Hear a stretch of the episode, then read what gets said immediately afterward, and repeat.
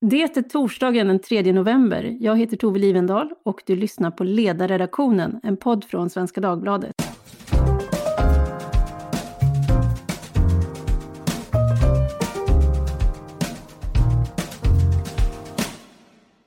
De förbannade nyhetsmedierna förstör samhället med sin ilska och depp. Så skriver Mattias Sundin, medgrundare och ordförande i Warp Institute i en artikel på sin tankesmedjas hemsida. Är det så? Och vad beror det på i så fall och vad kan göras åt det? Det ska vi diskutera idag och det gör vi med artikelförfattaren som även är tidigare riksdagsledamot för Liberalerna. Han var också oppositionsråd i Norrköpings kommun eh, 2006 2014, är föreläsare och leder nu också crowdfundingen för Sveriges första privata rymdmission till en asteroid. Välkommen Mattias! Ja, tack så mycket, tack! Och med oss har vi också Karin Olsson som är biträdande chefredaktör för Expressen. Mellan 2010 och 2022 var hon tidningens kulturchef och hon har också tidigare varit chefredaktör för studenttidningen Lundagård och nyhetsreporter på bland annat Resumé. Välkommen Karin! Tack så mycket! Mattias, man skulle kunna säga att det är en ganska hård och rätt svepande anklagelse du riktar mot medierna. Jag citerar, därför är nyhetsmedierna ansvariga för en del av den ilska och hat vi ser i samhället. Vi ska diskutera hur det ansvaret ser ut, men du kan väl börja med att berätta om den amerikanska undersökningen som du baserar din artikel på? Ja, och i vanliga fall skriver jag absolut inte sådär arga rubriker. Vi pysslar ju med, vi pysslar ju med faktabaserade optimistiska eh, nyheter. Men jag, jag tänkte jag skulle göra en poäng av det hela och, och ursäkta mig då med att jag bara eh, följer trenden. För att den här eh, forskningspapret som publicerades nyligen eh, har då gått igenom Eh, 47 miljoner eh, rubriker mellan år 2000 och 2019 i, i amerikanska nyhetsmedier. Då. Och då kan man se att rubriker med, som har någon form av rädsla i sig har tredubblats. Rubriker med ilska har fördubblats. Eh, avsky är upp en tredjedel och sorg är upp eh, över 50 procent. Och neutrala rubriker har minskat med eh, 30 procent. Och argast är högermedierna, men mm, vi ser trenden Eh, precis samma trend, men inte lika kraftig då, i vänstermedier och i mittenmedier. Och mittenmedierna är de som är bäst eller minst, minst dåliga på, på detta. Eh, och som de lyfter fram, som jag lyfter fram i min artikel, men som de också gör i, i det här eh, paperet, så, så sätter ju eh, rubriken såklart en, en rubriken är väldigt viktig. Det är oftast den, oftast den man, bara den man, man läser, men även om man läser hela artikeln så sätter ju den tonen för, eh, för eh, artikeln. Och på samma sätt så menar jag att nyhetsmedia sätter tonen för samhället. Det är inte så att eh, allting utgår från vad nyhetsmedierna skriver om eller inte, men man har ju ändå väldigt stor påverkan på samhällsdiskussionen och, och debatten. Och den här som jag tycker då mycket överdrivet negativa bilden av samhället, den är inte balanserad, den är inte, det är inte en korrekt bild av samhället. Det gör folk onödigt pessimistiska och det påverkar ju allt möjligt i, i livet då, men bland annat eh, hur man röstar till exempel. Så jag tror att man, att man har röstat på auktoritära populister eh, som Trump. Det här är en bidragande orsak, absolut inte den enda orsaken, men ändå en viktig eh, orsak eh, till, till, till detta. Och jag tycker att medierna och konsumenterna av medierna har ett ansvar att, att förändra detta. Karin, vad tänker du när du hör Mattias? Är det, Eh, här, är det en bild som du känner igen och tror du att det, det ser ut ungefär så här eh, i Sverige också? Uh, ja, jag tror att uh, det kan finnas intressanta spår i den här studien, även om jag inte tror att den är helt jämförbar. Uh, även om, om det finns paralleller mellan den amerikanska mediesituationen och den svenska, Eh, till exempel den mediekris vi har haft under lång tid eh, med utmanade lokalmedier framför allt så finns det också stora skillnader. Vi har inte alls samma polariserade mediesituation i Sverige, inte alls. Eh, vi har ju fortfarande breddmedier som den stora befolkningen tar del av och, och, får sin information ifrån. Så jag tror inte det finns samma jordmån för den här eh, polariserande ilskan både till höger och vänster som, som beskrivs här. Så det, det finns nog skillnader. Eh, men men det, jag måste också säga att det är lite pikant med en gammal politiker som tycker att medierna eh, inte ska vara så kritiska och eh, vara lite mer optimistiska om, om framtiden. Men jag förstår absolut den, den principiella kritiken här, men, men, men något litet salt kan jag väl också strö i detta. ja, det måste, vi måste få försvara oss, eller hur? som finns i medierna. Ja, precis. Ryan Reynolds here from Mint Mobile. With the price of just about everything going up during inflation, we thought we'd bring our prices down. So to help us, we brought in a reverse auctioneer, which is apparently a thing. Mint Mobile unlimited premium wireless. Ready to get 30, 30, bit to get 30, bit to get 20, 20, 20, bit to get 20, 20, bit to get 15, 15, 15, 15 just 15 bucks a month. So, Give it a try at mintmobile.com/switch. slash $45 up front for 3 months plus taxes and fees. Promo rate for new customers for limited time. Unlimited more than 40 gigabytes per month slows. Full terms at mintmobile.com. Men jag tänker på det, eh, eh, att journalistiken är ju, man säger att den både ska spegla och reflektera sin samtid och det är väl ändå så att vi, eh, det är ju frågan vad som är hönan och ägget där, för det är klart att medier släpper fram olika saker, men i offentligheten så känner vi ju mer, det är mer känslor i samtalet nu. Jag lyssnade på en, en spaning av Katarina Barling i, som talade också om gråt i, i det offentliga och som också konstaterade att gråten har trängt sig in även i politiken. Då var det nu senast exempel med Maria Leisner som grät över Tidöavtalet, men även Greta Thunbergs tårar och Åsa Romsons migrationsåtstramningstårar är ju välkända.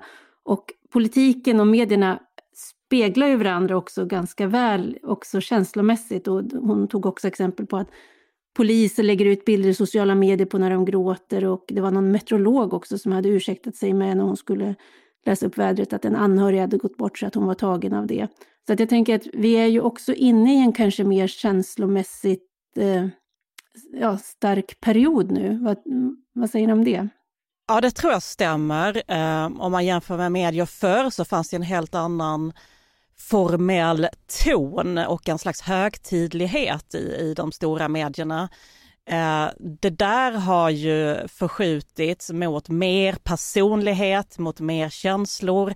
Helt enkelt tror jag för att man har eh, sifferunderlag, vad det är som, som når ut och vad som når igenom, eh, vad publiken vill ha, eh, vad som tränger igenom bruset helt enkelt. Vi vill ha starka personligheter, vi vill ha känslor, eh, vi, vill, vi vill ta del av människor som berättar något för oss, inte eh, för mycket anonyma eh, personer som, som torrt förmedlar någonting. Så där är det definitivt en, en eh, utveckling under många års tid eh, mot mer känslor. Mm. Jag tänker, Mattias, nu ska vi också säga att du, du delvis talar egen sak eftersom Warp News då ska, som du säger, det ska vara faktabaserat men det ska vara också optimistiska nyheter som ni erbjuder. Eh, men jag tänker på det att du, du skriver att världen är bättre nu än någonsin tidigare och vi står på tröskeln till mänsklighetens mest spännande tid. Ändå har de flesta svenskar en negativ syn på framtiden. Eh, och du säger att en anledning till det är övervikten av negativa nyheter i media. Men kan det finnas andra skäl till att det finns en negativ syn på framtiden? Absolut. Vi är ju till exempel, um, uh, vi är till exempel väldigt duktiga på att, att uh, reagera på, på faror. Och det var väl uh, toppenbra när vi um, kutade runt på savannen om man inte skulle ta onödiga, onödiga risker och var, kanske var onödigt nyfiken eller, eller så. Um, utan då var det bara bra att ta det säkra för det osäkra. Men den där sitter ju i oss fortfarande. Hans Rosling pratade ju mycket om detta. Det här sitter fortfarande i oss, precis som att eh, vi, vi, eh, när, vi, när vi får i oss socker så tycker vi det är jättebra. Och det var också toppenbra då eh, på, på savannen eller mycket tidigare i mänsklighetens historia. Men idag när det finns obegränsat med socker eller obegränsat med negativa nyheter ehm, så, så måste vi själva eh, liksom, eh, sätta, sätta stopp för detta eller, eller balansera oss. Eh, och jag menar ju inte här att, att medierna eh, ska liksom sluta vara eh, granska negativa saker, vare sig inom politik eller någonting annat. Det är ju en, en helt avgörande eh, funktion i, i, ett samhälle att man, att man gör det. Men granskningen hamnar ofta så ofta bara åt det ena hållet, eller vinklingen hamnar på det mest negativa, eller man tänker åh, det här låter för bra för att vara sant, och så granskar man det. Och det, det är bra, men man kunde också tänka det här låter för dåligt för att sant. Kan det verkligen vara så här illa som den här organisationen säger eller någonting så här? Och att man granskar även från det hållet så att man får en balanserad bild. För att jag, eh, jag tror inte att eh, jag tycker att medierna ska ge en balanserad bild eh, av samhället, inte en överdrivet positiv eller överdrivet negativ, utan en totalt sett en, en balanserad bild. Och, och, så uppfattar jag absolut inte i, i, idag. Och det uppfattar eh, nog inte eh, mediekonsumenterna heller, läsarna eller tittarna heller tror jag. Men du nämnde Hans Rosling här, eh, folkhälsoprofessorn, folkbildaren. Han, han sa ju vid något tillfälle att du kan inte bara ta del av media om du ska förstå världen. Eh, och jag har som publicist faktiskt inga invändningar mot det. Eh, dagsmedier eh, kan på inget sätt ge en heltäckande bild av världens eh, utveckling. Eh, vi rapporterar nyheter, vi granskar. Eh, för att få en heltäckande bild av världens utveckling och Sveriges utveckling måste man faktiskt också läsa böcker böcker, kanske ibland läsa någon rapport, ta del av fördjupad journalistik som specialiserar sig på någonting eh, så att man, man eh, får en mer nyanserad bild än, än kanske bara den snabba nyhetsartikeln. Alltså som medborgare, du måste ha en god grundutbildning. Eh, här brister vi nu i Sverige dessvärre. Du måste ha en egen allmänbildning för att kunna förhålla dig till ett nyhetsflöde och kunna placera in nyheter i sitt sammanhang och, och kunna värdera dem. Eh, men, men nyhetsmediernas uppgift är ju trots allt att berätta om det som sticker ut, det som är fel, där det finns brister. Eh, det är ju nyhetsmediets hela natur på något sätt. Eh, och jag tror att kanske att den här då, om vi kallar det negativa nyheter, om, om de här nu har blivit vanligare också i Sverige, så kan det bero på en professionalisering, att nyhetsvärderingen har blivit mer lika. Ehm, också i takt med att lokalmedierna har blivit eh, svagare. Eh, lokalmedia har ju annars varit väldigt bra på att liksom skildra trevliga saker som händer i bygden, eh, skildra många fler sidor av en människas liv i samhället än vad de stora nyhetsmedierna gör. Eh, men, men nyhetsmedia kan inte ta hela uppgiften att, att, att spegla precis varenda nyans och representera hela samhället på ett perfekt sätt. Det, det, det går faktiskt emot lite uppdraget. Ja men detta sagt så är det viktigt tror jag att Nyhetsmedia tänker på att man ska ha en mix eh, i, i, sitt utbud. Eh, framförallt för att nyhetspubliken ska orka med. Eh, det här pratar vi rätt mycket om på Expressen och, och kommer att jobba rätt strukturerat med framöver. Eh, för att vi ser ju en trend hos unga framförallt att man blir nyhetsundvikare, att man inte orkar med att ta del av nyheter. Det blir för tungt och mörkt och svårt. Eh, och eh, därför måste man tänka på vad erbjuder vi för mix? Vad berättar vi också förutom det här allvarliga samhällsviktiga? Och egentligen har ju det här varit inte minst kvällstidningarnas paradgren under åren med drastiska eh, ämneskrockar, högt och lågt, glatt och sorgligt om vartannat. Kanske har vi tappat lite av den kunskapen i det digitala tidevarvet. Eh, den här gamla papperstidningskunskapen om hur man skulle bygga medieprodukt. Då var det så här, ja det ska vara hårt på högersidan och sen ska det vara något glatt i spalten. Du vet, det fanns en kunskap om hur rytmen skulle vara i ett nyhetsmedie mellan allvarligt eh, och eh, positivt glatt mänskligt. Vi har lite tunnat ut den kunskapen och behöver återerövra den. Eh, jag vet inte om det är exakt vad, vad som menas i, i, just den här studien. Eh, för, för jag menar att liksom det här positiva, ja, jag menar att det kan också vara något som är mänskligt, som bjuder in publiken, kan vara något som är roligt, eh, lite tokigt, någonting som bryter av mot det här mörka. Men jag tror också att du är ute efter någon, någon slags mer konstruktiv journalistik, att, att kanske inte skriva om skjutningar varje gång utan skriva om staden som vände skjutningarna istället. Eller hur? Visst är det något sånt som du är ute efter? Ja, precis. Ehm, för jag, håller, jag tycker det är en jättebra poäng som jag inte har tänkt på tidigare. Just det här med liksom när man konstruerade, eller vad ska jag säga, producerade en hel tidning varje dag, hittade en annan en papperstidning då, en, hel, en annan balans och nu kanske det blir mera det är klart man, jag förstår att ni tänker en, en helhet precis som vi gör också, men att det blir lite mer fokus på enskilda artiklar, hur bra de går och, ehm, och så där. Det tycker jag är jättebra eh, poäng. Och, och, i det digitala så finns det ju väldigt mycket verktyg eh, Eh, för att mäta saker, men då kan man ju också testa en annan typ av rubriker som, som sticker ut. Och det var det jag reagerade på. Eh, du sa där eh, att det är nyhetsmediernas roll att liksom rapportera sånt som sticker ut. Det håller jag med om. Men att, att det är också det som är, det som är fel, det som är, är dåligt som man ska rapportera. Och det är klart att man ska rapportera dem. Jag säger inte att man inte ska rapportera det. Men jag tycker att det här det journalistiska uppdraget behöver förändras.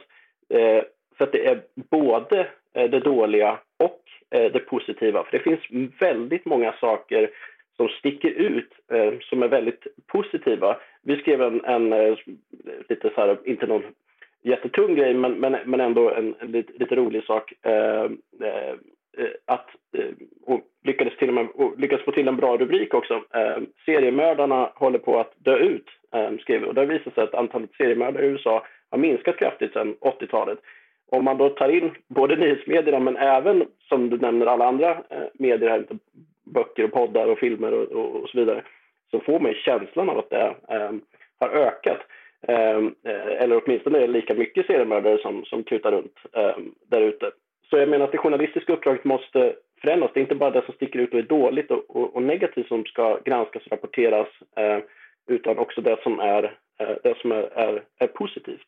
Kanske svaret eh, i, i detta, det vill säga att balansen som ideal, också svarar på frågan varför det inte finns någon tydlig affär i att leverera enbart goda nyheter. Det har ju gjorts försök med det. Den här Good News Magazine har ju också funnits på svenska och eh, lanserades eh, 2010 som ett pappersmagasin och man hann ge ut 20 utgåvor innan man pausade produktionen på obestämd framtid. Men man gör ändå digitala nyheter och jag såg i augusti senast här så hade man lagt in två nyheter. Det ena var att medellivslängden i Afrika ökar, att man sedan millennieskiftet har eh, ökat med 10 år, från 46 år till 56 år och det är ganska rejält och en statistik som bygger på eh, 47 länder och sen är det också en fjärilsart som har återhämtat sig till rekordnivå tack vare åtgärdsprogram. Och det är klart att mm, här, det, där, där finns inte...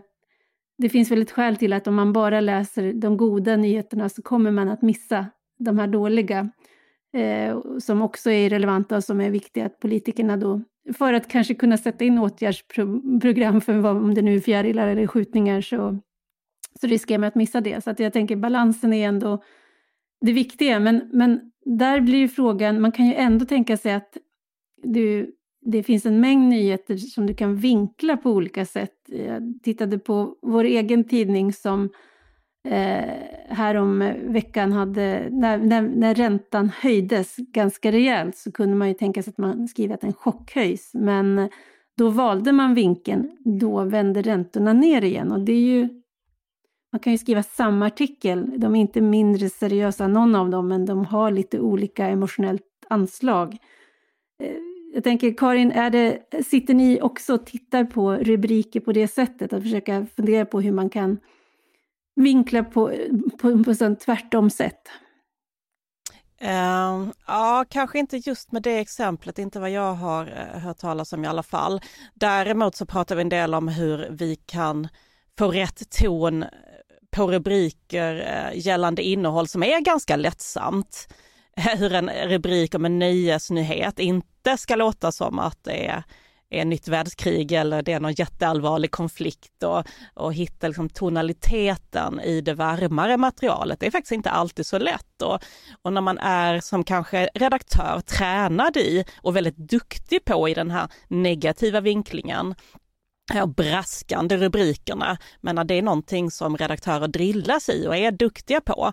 Ehm, det krävs nog lite träning och, och uppmuntran att, att lära sig sätta en rubrik som kanske har glimten i ögat, eh, som kan skoja lite eller som hittar rätt tonalitet när kanske kändisar har haft en konflikt. Det kan ju vara lite roligt att läsa om men det kanske inte är, är någonting särskilt allvarligt egentligen. Men då måste man också hitta en tonalitet i rubriken som motsvarar detta. Så, så det talar vi en del om och kommer fortsätta att, att, att arbeta med. Eh, för det är också så att den digitala formen är eh, svårare att leka med än vad det var i papperstidningen. Eh, rubriktypsnitt är lite lika, eh, det är, görs ut på ungefär samma sätt. Alltså det, det, det är lite svårare att, att hitta den här rytmen som jag talade om tidigare. Det kan man naturligtvis åtgärda, men, men jag, jag, tycker inte att något nyhetsmedie, någon av de stora sajterna har lyckats fullt ut med, med den här mixen då mellan eh, mjukt och hårt. Jag funderar på, det var en eh, rubrik som verkligen eh, syntes, det var för någon månad sedan när DN-krönikören Hanna Hellqvist hade en text som hette Jag är rädd, jag är så jävla rädd. Och sen så skriver hon det eh, om det i innetexten och skriver så här, när får man egentligen vara rädd? Som krönikör på nyhetsplats får man inte vara rädd, för det sista man ska göra är att sprida panik. Som programledare på radion ska man vara en trygg röst. Genom pandemier och terrorattentat ska man vara lugn och saklig. Men jag är rädd. Jag är så jävla rädd. Ja. Och så fortsätter det där. Eh, ja, vad, vad tänker ni om det? Det här är ju, det här är på ett sätt så är det ju liksom verkligen peak känsloläge i medierna och samtidigt så, så resonerar hon ju och hon förklarar egentligen vad, vad uppgiften är. Vad tänker ni om det? Ja, det här är en typ av krönikerande som har fått allt högre status. Ehm, jag vet inte om det hänger ihop med den här negativa trenden. Det är väl delvis någonting annat, än en mer affekterad journalistik eller mer känslosam. Och, eh, jag menar, det är bara att titta på till exempel Svenska Dagbladets eh, kultursida som som har gått mot att väldigt ofta ha personliga texter. Nu i helgen var det både om en kvinna som hade levt med en våldsam eh, eller eh, ja, repressiv mm. man eh, och det var en essä om eh, hur, hur utmanande det är, är, att leva med ett barn som har en funktionsnedsättning. Eh, och, och, jag menar, det här är kulturtexter som man inte hade haft för några decennier sedan. Eh, och det är väl också ett tecken på hur, hur känslor, det personliga, eh, negativa känslor, att berätta om dem eh, har en väldigt hög status i vår tid. Mm. Ja, det är svårt att tänka sig motsvarande artikel där någon lägger ut texten om hur lycklig den är. Och att det hade genererat lika men, mycket läsning. Sigge Eklund skrev någon bok här för, eh, var det förra året eller för förra året, om, om, om lycka eh, på olika sätt. Eh, och, och hamnade i batalj med många, inte minst kultursidor då, att, att det var fruktansvärt att skriva en bok om, om lycka på massa, massa olika aspekter för att världen är på väg åt helvete och massa andra saker. Så jag personligen har inget emot ökade känslor, eh, vare sig i rubriker eller i texter eller andra uttryck i, i medier. Sådär. Vad, vad jag har problemet med är just, just balansen eh, på dem, eh, inte känslorna i sig. Men om du skulle säga, vilka positiva, positiva nyheter i Sverige missar vi idag att rapportera om, tycker du? Ja, det händer ju eh, jättemycket eh, eh, på det tekniska utveckling kopplat till eh, inte minst liksom elektrifieringen av, eh, av liksom hela eh, transportflottan. Eh, då är det ju väldigt mycket, väldigt mycket fokus på, om, när man pratar elbilar då till exempel, så är det ju från medierna väldigt mycket fokus på batterierna och att en del av mineralerna eventuellt kan komma eh, från gruvor där det finns barnarbete. Och det är inget problem man ska ignorera, självklart inte. Men um, det får väldigt stor uh, uppmärksamhet i, i, rapporteringen istället för att till exempel visa på uh, vilken, vilken liksom otroligt stark uh, utveckling som, som sker. Um, så finns det liksom under ytan massa, massa ehm, den typen av tunga, tunga, tunga trender. Det slogs inte upp jättestort till exempel att, att brottsligheten, den upplevda brottsligheten har, har minskat i Sverige till exempel. Medan eh, Eh, gängbrottsligheten får en otroligt stor uppmärksamhet. Eh, det, det, känns ju som att den ökar kraftigt hela tiden och den har ju ökat eh, över ett antal års sikt och det är ju ett allvarligt problem.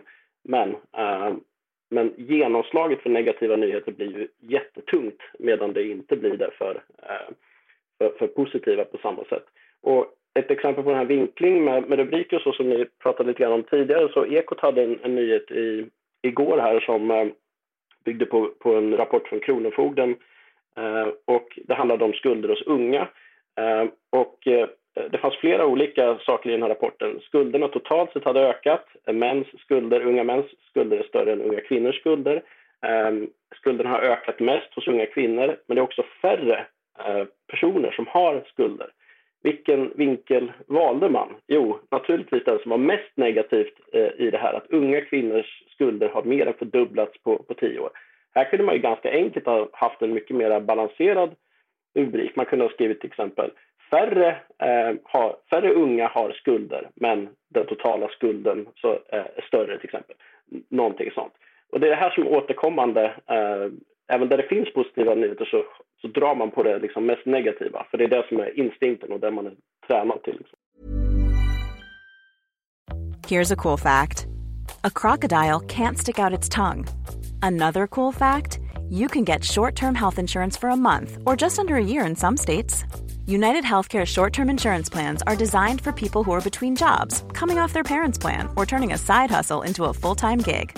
Underwritten by Golden Rule Insurance Company, they offer flexible, budget friendly coverage with access to a nationwide network of doctors and hospitals. Get more cool facts about United Healthcare short term plans at uh1.com.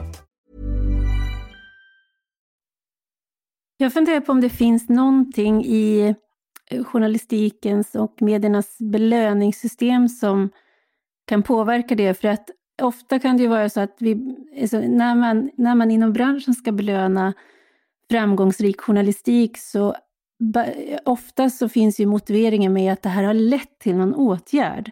Att det har, liksom, efter att vi skrev om det här så har den och den fått lämna eller man har bytt ut där eller liksom politikerna har tillsatt en utredning eller vad det kan vara. Och det gör man ju bara om det är någonting som ska åtgärdas. Man gör ju inte det med någonting som har... Här, det är ingen, ja, man kanske kan ta cred för någonting, men, men det är ju så att säga... Om man, om man ska få genomslag, då behöver det leda till någon, någon konsekvens. Och goda nyheter är ju bara goda nyheter i, det, i den bemärkelsen. Så jag funderar på om det finns något sånt som eh, påverkar ja, också. Det är en in, in, in, intressant spaning. Det skulle i och för sig kunna vara så att om man upptäcker någon väldigt positiv utveckling eller eh, uppfinning eller eh, eh, något fantastiskt som har växt fram med det tysta, att det sen kan bli modell för eh, något annat, att det på så sätt blir en konkret utveckling.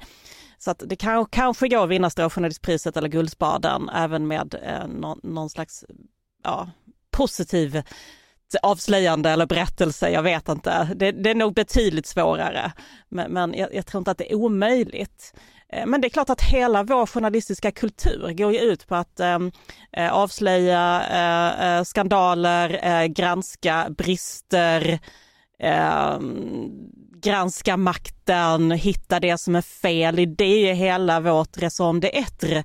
Eh, så det är klart det är ganska utmanande att tänka på ett annat sätt, att tänka konstruktivt, att, att välja den mest välvilliga tolkningen, se glaset som halvfullt istället för halvtomt i rubriksättning. Det är ju att, att eh, det är en helt annan kultur. Eh, så att det, det, det, är ingen lätt sak att vända om man nu skulle vilja göra det så att säga. Jag skulle också välkomna att, att media blev lite mer olika. Alltså media idag har ju så otroligt lika nyhetsvärdering. Eh, det finns ju liksom genreskillnaderna som förr var väldigt tydliga mellan morgontidning och kvällstidning. De är ju väldigt små idag. Eh, journalister kan röra sig mellan mediehuset på ett helt annat sätt än förr. Det är ingen som, menar, Eh, SVT rekryterar ju stup i kvarten från Expressen och man går rakt in i verksamhet och det är inga problem. Och det visar bara hur lika vi har blivit. Jag skulle verkligen välkomna om till exempel public service försökte utmana sin kultur och, jobba lite mer på det här konstruktiva sättet och, eh, och skruva på nyhetsvärderingen och, och, och eh, att de drog sig åt det hållet. Det skulle jag välkomna så att vi fick större skillnader mellan genrerna igen. Mm. Eh, jag har nog svårt att säga att Expressen just skulle kunna ja, bli bäst på något sätt på att, på att lyfta fram de, de goda exemplen och eh, så. I viss utsträckning kan man tänka på detta och skriva på detta, men, men vårt uppdrag är ju så tydligt att liksom rapportera senaste nytt, det som har hänt, avslöja miss, eh, misshälligheter, granska. Eh, det, det, är ändå vårt kärnuppdrag. Mm. Fast jag tänker att någonting som möjligen skulle kunna eh, öka, vara incitament för den där balansen som eh, är eftersträvansvärd, det är ju det att vi numera i mediehusen eh, så tydligt konkurrerar om människors tid på olika sätt. Eh, och eh, att man liksom vill ha en relation och ju mer tid man kan få eh, människor att tillbringa i just sitt medium, desto bättre. Och det gör ju att man, man måste vara man måste erbjuda en mångfald även inom mediehusen. Och där tror jag att av ren självbevarelsedrift så orkar inte människor bara ta in det svarta, utan det måste också vara lite just så här, ja men bästa, inte vet jag, spartips eller vad gör man till helgen? Alltså den här balansen kommer ja, efterfrågas. Det är jätteviktigt, men det är på något sätt mixen. Mm. Den är otroligt viktig för att publiken ska trivas på sajten och vilja vara där och återkomma och bli lojal.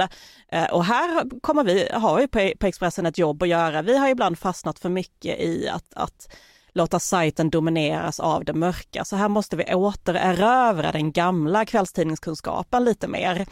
Eh, men jag tror inte det är riktigt det som den här studien är ute efter, utan där verkar det mer vara att man aktivt ska leta upp eh, positiva exempel i samhällsutvecklingen och rapportera om dem. Det är lite någonting annat än den här mixen, ja, tänker jag. Jo, för att jag, precis. Um, det, det, kan ju lätt bli så att um, om man har några så positiva nyheter, att det blir lite snuttefilt. De tunga granskningarna, de är supernegativa och, och gud vad dåligt allting går. Och sen så, men här var det någon som, eh, jag tittade på Expressen, ni hade ju där tidigare de positiva nyheter, någon som letar efter sin pappa och hittar några bröder och sådär. Det är inget fel att skriva om det, liksom, men det är inte något, det är inte något tyng, tyngre journalistik liksom, bakom en, en sån sak. Men om det här exemplet som du nämnde förut, Tove, med eh, fjärilar som gjorde comeback. Vi skriver en hel del om olika djurarter. Man ser över hela världen så ser man eh, olika djurarter som, som gör comebacker. Eh, det finns definitivt också utrotning och djurarter som minskar. Men, eh, men, och det här, här menar man ser hela kedjan. Att man då kritiskt granskar, skriver tunga negativa eh, granskningar av nu minskar en djurart här. Det måste man göra för att uppmärksamma det problemet. Men sen försvinner den så att säga. Jaha, vad hände sen då? Mm. Försvann de där djuren eller finns de kvar? Nej, de har gjort comeback. Massa av dem har gjort comeback för att vi gjorde saker. Vi ändrade hur vi betedde oss, vi förbjöd tjuvskytte, vi använder ny teknik, eh, allt möjligt som vi gör. Så ser vi olika comebacker och det finns, här finns det vi har skrivit en, en eh, eh Maria Eriksson som också jobbar på Svenska Dagbladet har skrivit bland annat om det här liksom, om, om djurens, djurarternas comeback. Men här finns det jättemycket mer att skriva, en tung granskning. Vad händer sen? Jag menar, då får man hela kedjan att hänga ihop. Eh, eh, först är man så att säga kritisk och det leder, och då kanske man vinner Stora journalistpriset eh, utifrån att man kan visa, titta här, de här djurarterna håller på att utrotas, vi måste stoppa detta. Ja, det började leda till en förändring, men sen skedde ju också förändringen och där också, finns det också en granskning och en, en ansvar att berätta den storyn. Titta, vi lärde oss, vi gjorde någonting bättre och nu blir det bättre av, mm. av detta. Hela kedjan finns här, men den här sista delen finns knappt i, i, i nyhetsmedierna. Mm. Jag håller med att det säkert finns väldigt mycket intressant journalistik att hämta genom att tänka på det sättet. Eh, och jag vet till exempel att SVT för en del år sedan försökte jobba mycket med konstruktiva nyheter och Erika Bjärström, idag klimatkorrespondent, jag minns inte exakt vad det var hon var då, Eh, hon gjorde en lång serie om utvecklingen i delar av Afrika. Eh, då hade man ju sett att, att bilden var väldigt, väldigt mörk av utvecklingen i den delen av världen. Eh, I själva verket så fanns det ett, ett eh, näringsliv som växte. Det fanns befolkningar där i princip alla hade mobiltelefon, där utbildningsnivån ökade, alltså en fantastisk utveckling som på något sätt vi knappt hade noterat här i Sverige. Eh, och då gjorde man en serie reportage eh, och eh, och påverkade då säkert bilden av hur det står till på den här kontinenten och, och vände lite den här eländesrapporteringen då som, hade, som det hade gått slentrian i, som inte längre faktiskt gav en sann bild.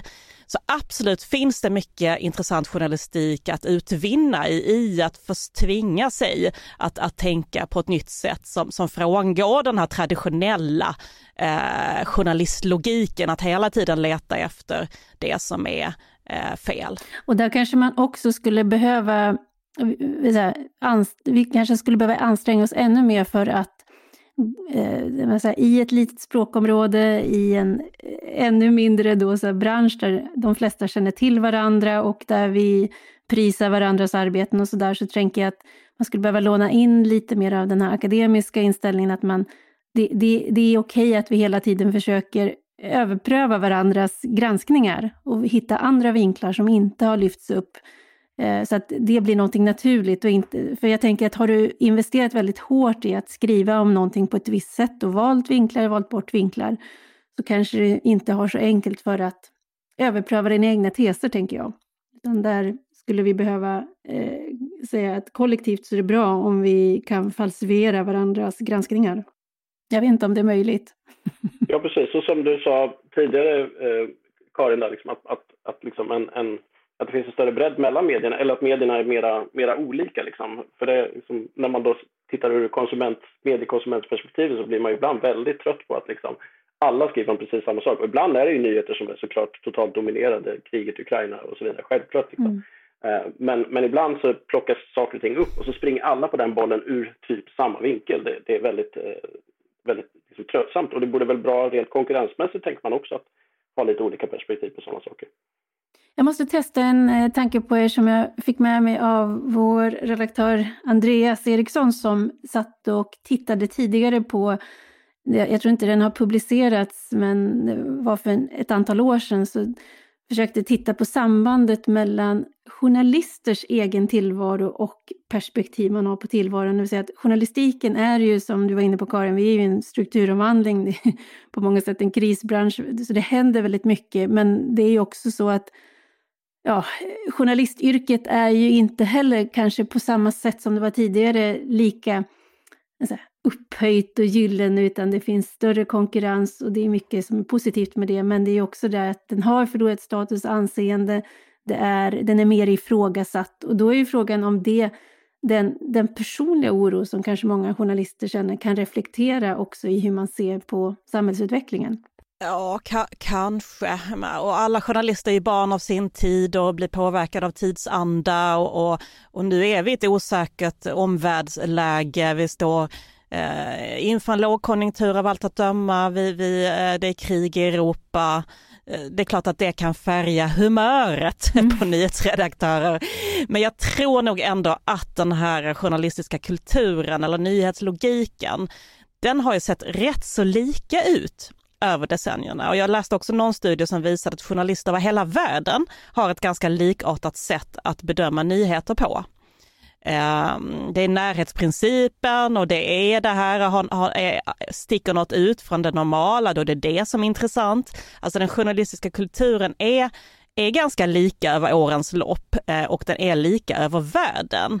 Eh, så att jag tror snarare det, det att den är så dominant, hur man fungerar som journalist. Vad är en nyhet? Eh, vad är ett avslöjande?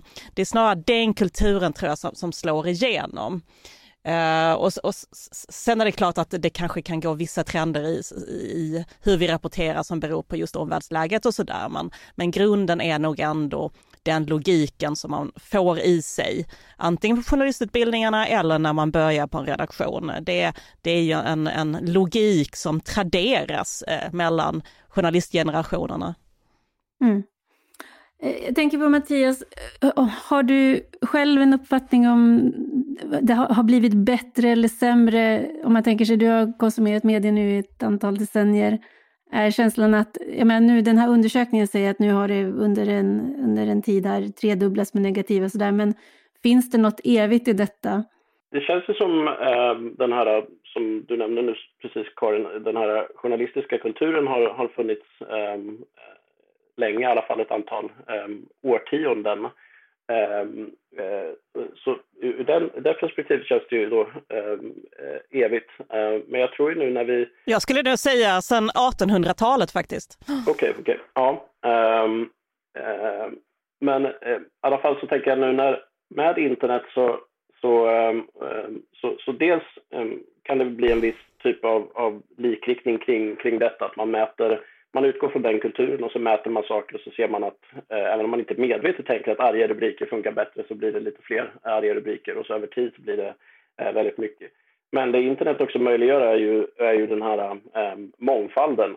Och då kan ju, som vi då, en jätteliten aktör, eh, vi kan ju starta mycket lättare och börja erbjuda någonting annat. Vi behövde inte köpa en, bygga en tryckpress eller hyra in oss och, och satsa på att trycka massa papperstidningar och sånt, utan vi kan börja med väldigt små medel och så bygga det och så via sociala medier inte minst och hitta vår publik eh, och och sådär. Så att jag tror att eh, det finns ju väldigt, det finns en väldigt eh, stor möjlighet att, att förändra eh, detta nu, att ta de kunskaper som finns från journalistiken, just det här, hur sticker man ut då? Men det måste inte bara sticka ut negativt, det kan sticka ut positivt, saker som förvånar, fast de är positiva, optimistiska istället. Det kan vara intressanta granskningar som, som sticker ut fast de är ur, så, ur det positiva perspektivet. Så jag tror det finns en väldigt stor möjlighet att, att förändra detta. Eh, och personer som jag själv då, som inte är journalist i, i grunden som, som ger sig in i det här eh, med olika perspektiv, men även journalister som eh, vi har ju eh, eh, några, några journalister som, från stora tidningar som skriver åt oss som har liksom eh, delvis då tröttnat på, på det som är eh, i liksom, eh, de gamla medierna, om ni ursäkta uttrycket. Hur stor publik har ni, får man fråga det? Uh, ja, vi, vi, skriver både på, på svenska och, uh, och engelska. Vi har uh, ungefär 10 000 läsare i veckan i, i Sverige då. Och sen så finns vi internationellt också. vi har en total community på, som liksom följer oss på olika sätt, nyhetsbrev eller annat, um, på, på 50 000 personer. Mm. Och jag tänker också att, för det är klart att den här sociala medielogiken som det är lätt att se alltså de negativa effekterna av det, att det ibland kan bli ett likt samtal som inte alls blir eh, konstruktivt utan ganska grälsjukt. Men det positiva är ju den här nästan realtidsutvärderingen av de, de journalistiska saker som görs. Att eh, du kan liksom under en är det så att man har misskött sig i, i, i liksom urval av personer eller vinklar i en aktuell sändning så kommer folk att twittra i realtid sitt missnöje.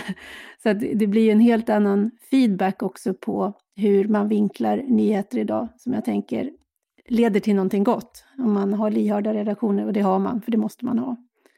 Så att det, är, det är ju någonting som jag tycker är positivt också, att det har kommit mer konkurrens generellt sett inom journalistiken.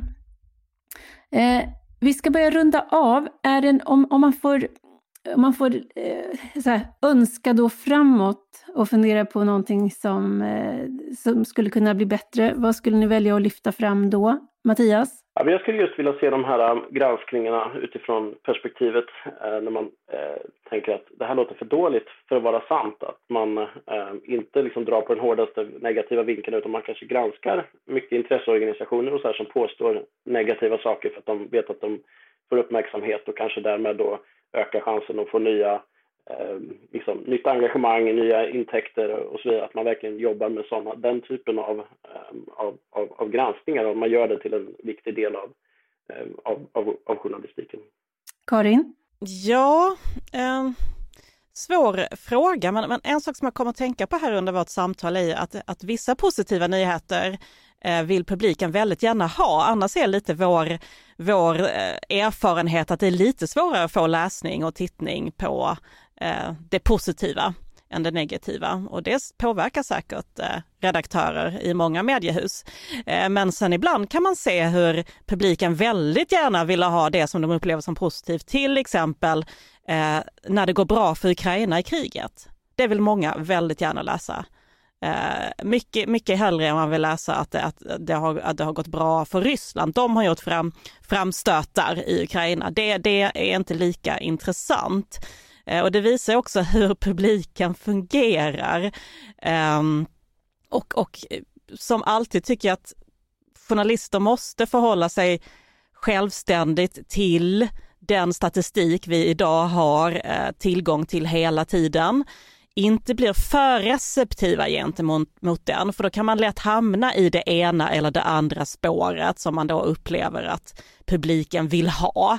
Eh, utan för att kunna utveckla journalistiken, att skriva på vissa saker där vi har hamnat i slentrian, kanske ibland att, att alltid välja det, det mest mörka spåret. Eh, då måste det finnas eh, starka publicister, en livaktig journalistisk diskussion, eh, mod att våga ompröva, inte hamna i det defensiva alltid, som är så lätt hänt. Eh, så att, att förhålla sig självständigt till till den viktiga data som vi eh, tar del av hela tiden och som hjälper oss jättemycket och hjälper oss utvecklas men också så kan få oss att bli fångar i vissa mönster. Det tycker jag blir bra och eh, uppfordrande slutord. Stort tack Karin Olsson, biträdande chefredaktör för Expressen och Mattias Sundin, medgrundare och ordförande i Warp Institute för att ni ville vara med i podden idag. Tack så mycket. Tack så mycket, jätteroligt att vara med.